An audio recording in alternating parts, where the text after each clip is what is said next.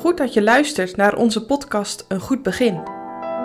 Deze zes weken staan we stil bij verschillende thema's rond christelijk leven. Deze week is het thema Leven met het zicht op de hemel door Dirk-Jan Nijsink. Ik lees Filippenzen 3 vers 17 tot en met 21. Wees mede mijn navolgers, broeders, en merk op hen die al zo wandelen, gelijk gij ons tot een voorbeeld hebt want velen wandelen anders. Van wie ik u dikwijls gezegd heb en nu ook wenend zeg dat zij vijanden van het kruis van Christus zijn. Welker einde is het verderf. Welker God is de buik en welker heerlijkheid is hun schande, die aardse dingen bedenken. Maar onze wandel is in de hemelen, waaruit wij ook de zaligmaker verwachten, namelijk de Heer Jezus Christus, die ons vernederd lichaam veranderen zal opdat het gelijkvormig wordt aan zijn heerlijk lichaam, naar de werking waardoor hij ook alle dingen zichzelf kan onderwerpen. Wandel in de hemel. Ik ken een verhaal van een man die elke dag naar de lucht keek. Bij helder weer was hij teleurgesteld, want hij had in de Bijbel gelezen dat Jezus zou terugkomen op de wolken des hemels. Beetje simpel gedacht, denk je misschien. Toch maakt dit voorbeeld één ding heel erg duidelijk: een verlangen naar de komst van de Heer Jezus. En probeer vanuit de Bijbel dit beeld op je netvlies vast te houden. Elf mannen die naar de hemel staren. Net als de man uit het voorbeeld dat ik net noemde. Niet dat ze toen verwachten dat Jezus er zo weer aan zou komen. Nee, vol heimwee staren ze hem na. Maar dan staan er twee engelen bij hen ze vertellen de apostelen dat Jezus zal terugkomen, precies op dezelfde manier als hij is heen gegaan naar de hemel. Sindsdien verwacht de kerk van Jezus Christus de terugkeer van de zaligmaker uit de hemelen.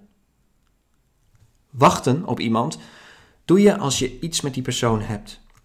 Heel lang wachten op iemand doe je als je heel veel met die ander hebt. Blijkbaar is zijn of haar komst het waard om lang op te wachten. Anders had je toch al lang gezegd: dit duurt me te lang. Ik ga er vandoor. Wachten op Jezus. Dat doet de kerk. Omdat Gods kinderen alles met Hem hebben. Hij is hun leven geworden en daarom zegt Paulus, maar onze wandel is in de hemelen, waaruit wij ook de zaligmaker verwachten. Jezus uit de hemel verwachten. Dat kan alleen als je hier hemels gezind bent. Ook kinderen van God kunnen leven alsof deze wereld alles is. Ze zijn tevreden met hun leven hier en nu. Maar er zijn door het werk van de Heilige Geest in het hart ook momenten dat ze hemels gezind zijn. De genade van de Heer Jezus Christus is er en dat geeft een afkeer van de zonde. Het geeft een verlangen naar volmaaktheid.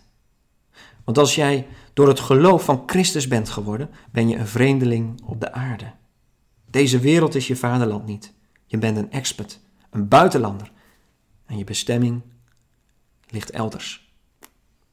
Je leeft ook niet langer volgens het patroon van deze wereld.